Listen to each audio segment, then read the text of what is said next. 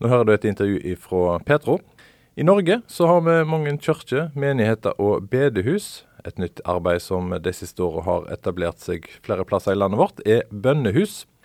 Dette er en plass der mennesker kan komme for å være i lag for å be og velsigne hverandre, sier Eivind Arnevåg, som har vært med og etablert flere bønnehus på Østlandet.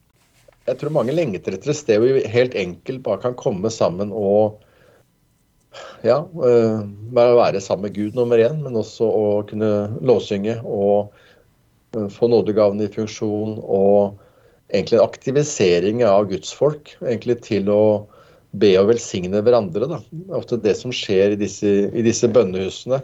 Så det er nok litt mer sånn at vi streker oss litt mer ut på en måte og kaller det et offentlig bønne, bønnehus, da, som eh, er veldig ulike i formen og ulik måte å drive på. Men eh, det er noe med åndens enhet da, som, som får en praksis, syns jeg, da, eh, i måten vi har sammenlignet på og måten vi møtes på.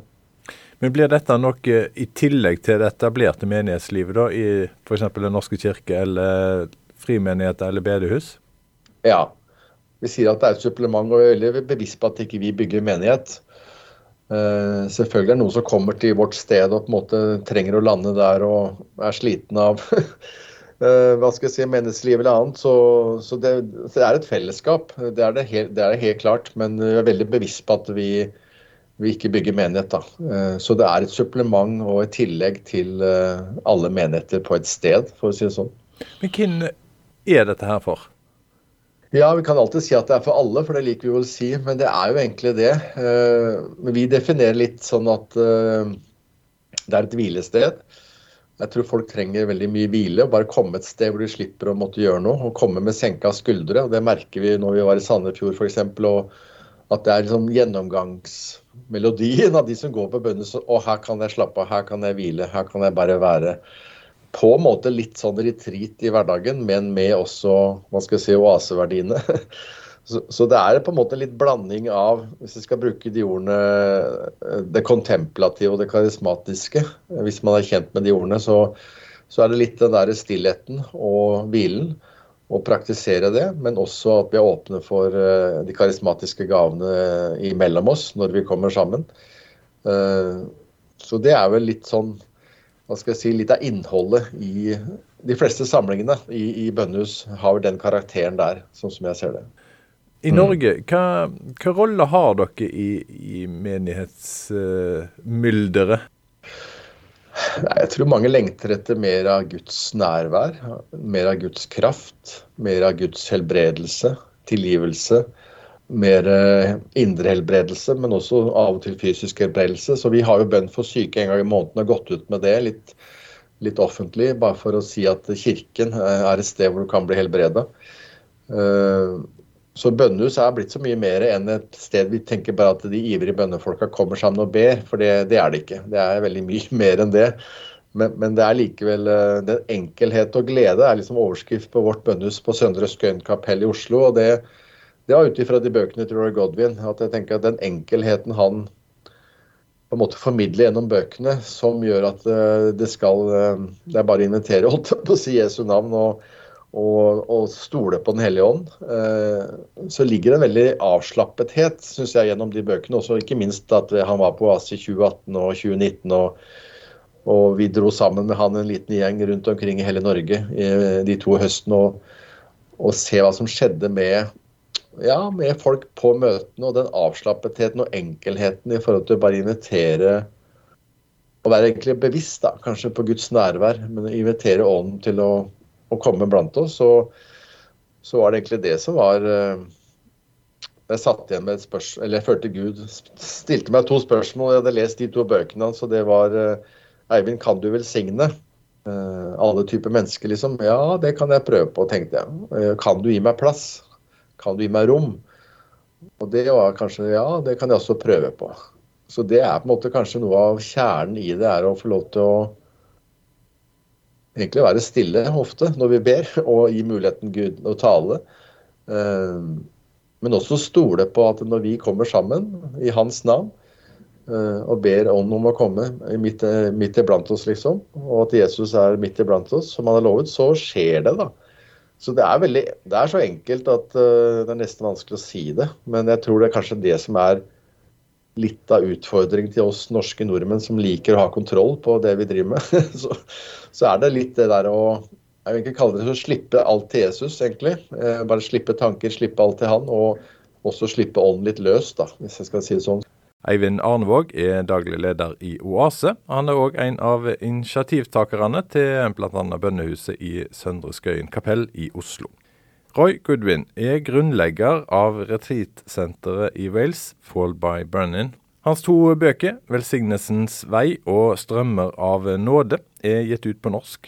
Og Ideen om bønnehus har altså sitt utgangspunkt i arbeidet til Roy Goodwin, sier Eivind Arnevåg. Han forteller at velsignelse og det å velsigne andre er viktig for en kristen. Så det å velsigne våre meningsmotstandere kjenner jeg er et budskap inn eh, til oss kristne i denne tiden. Eh, fordi Gud er like glad i de menneskene som mener noe helt annet enn meg om teologi eller deg eller andre, eller disse ulike spørsmålene som, som splitter oss. Eh, og det var det som lå på Jesu hjerte når han visste at han skulle dø, så, le, så leser vi Johannes 17. Og hele hans bønn der så handler det egentlig bare om ett enhet, og at vi skal være ett, så at folk skal komme til tro. Og at vi skal være ett i den kjærligheten Gud har gitt til han, og som vi skal gi videre til hverandre. Så det er egentlig kjernen i hele arbeidet vårt, er det å velsigne hverandre, altså. I Jesu navn. Uh, og der er kraften. Det er ikke det jeg gjør eller mine bønner, men det er at jeg på en måte overlate folk til Jesus da, ved å velsigne dem. Men opplever du at kristne er flinke til å velsigne? For ofte i mediebildet så får en kanskje inntrykk av at det er ikke det inntrykket eh, det offentlige Norge har av kristne? Jeg håper og tror at vi er bedre til å velsigne enn det som media kom fram, for de har en oppgave å spisse ting og sette folk opp mot hverandre. Så jeg er helt overbevist at jeg møter mange kristne som virkelig ønsker å velsigne. og vi var i Kragerø nå, så syns det ble veldig sterkt. For at vi, ofte vil, har vi en sånn gruppe på tre og fire hvor vi egentlig ber og velsigner hverandre. Og så sitter det et par der som aldri har snakka sammen, men de vet om hverandre. Og de er fra ulike menigheter, og så velsigner hverandre, og så begynner begge å grine. Fordi det blir veldig sterkt. Og så kanskje få med et ord eller et bilde. Altså Vi er stille og søker Gud for hverandre eh, for at nådegavene kommer i funksjon, og så skjer det. Eh, jeg tror nesten i alle gruppene jeg hørte om etterpå. og det det er veldig enkelt, men det er også veldig Ja, hun ene sa at ja, dette har jeg aldri gjort før.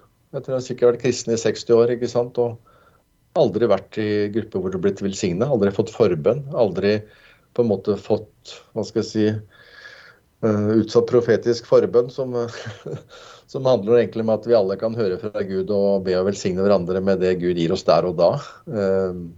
Så vi øver, da, sier vi. Vi øver på stillheten. Vi øver på å høre fra Gud. Vi øver på nådegavene våre. Og det er veldig lite øvelse og trening i kirka. Altså. Det er veldig passivt, den måten vi, vi, samles på. Så jeg tenkte litt på det at alle skulle være disipler. altså Det det som Jesus sendte ut. Det var ikke alle bare skulle komme på bønnemøte, på en måte sånn, eller et møte. og ta imot god låsgang og kanskje god preken og gå hjem igjen og, og sånn. Men men det er den aktiviseringen av når vi velsigner hverandre i grupper. Det har kanskje vært den største skal jeg si, endringen og fornyelsen i våre liv, og i veldig mange andres liv da, som er på bønnehuset. Eh, så det er veldig gledelig å se. da. Hvordan vil du forklare hva velsignelse er for noe? Altså Velsignelse er noe som går gjennom hele den der boka vår i Bibelen. og det er jo å, å, ville folk vel. altså signe, signe, huset, signe hjemmet, sa vi jo før. Og, og Jesus sender ut disiplene, to og to, ikke sant, i 72. Og lys fred over hvert hjem. Bank på. Velsign. Eh, og gjør det dere kan på en måte i forhold til å velsigne. Men jeg tenker at det er like mye som å tilgi. Hvis vi vil at jeg tilgir deg, eh, jeg holdt på å si helbreder deg, det er vel ikke så mange som sier, men Jesus sa det. Så det er på en måte å gå inn i ja, alle, gå inn i den kraften Jesus, den oppstandende, ga oss da, på oppstandelsesdagen. Altså Han pusta ånden inn i disiplene. og Som far har sendt meg, så sender jeg dere. Og fred være med dere, og tilgi hverandre. Og Det var på det budskapet de gikk, og det var på det budskapet de fikk. Og så står det i Lukas 24 at når, mens Jesus velsignet dem, mens han gjorde det, Altså, da, gjorde han det, da gjorde han det riktig. Da gjorde han velsignelsen. Han praktiserte velsignelsen. Det var ikke bare noe han ba, men han gjorde det. Så mens han velsignet disiplene, så gikk han til sin far i himmelen. Og da dro de glade, sto det. Altså Jeg kunne tenkt meg at uh, disiplene tenkte hva skjer nå? Blir borte igjen? liksom? Kunne han ikke vært her litt lenger? Men altså da hadde de fått det de trengte, og glade gikk de tilbake og samla seg og ba i bønnehuset eller tempelet eller hva vi kan kalle det. Og så, så velsignelsen er liksom vært en vei gjennom hele, men det betyr egentlig først og fremst at vi Når jeg sier at jeg velsigner deg i Jesu navn, så kjenner jeg at det går en kjærlighet fra meg til deg til ditt hjerte. Det er ikke sikkert du kjenner det, men jeg kjenner det. Og det er fordi jeg tror vi gjør noe da som Jesus gjorde, som var veldig orientert med å velsigne. Han tok barna på fanget og velsignet dem, til tross for at de andre tenkte at det har vel ikke tid til akkurat nå. Uh, han velsignet, og han var så orientert mot å velsigne og helbrede og tilgi og vise kjærlighet. Og det er det samme hvis vi tenker på åndens enhet i hjertene våre, så har jo Gud skapt oss alle sammen og elsker oss like mye alle sammen. Og da er vårt kall å velsigne, ikke forbanne. Det står jo i teksten. Vi skal elske våre fiender til og med, står det. Så det er en veldig tydelig kjærlighetsvei, da. Eh, velsignelsens vei. Eivind Arnevåg er til daglig leder for Oase. Han er òg en av lederne for bønnehus på Østlandet. Jeg heter Bjørnstein Høgland. Du har hørt et intervju ifra Petro. Flere intervju finner du på petro.no, eller der du hører podkaster.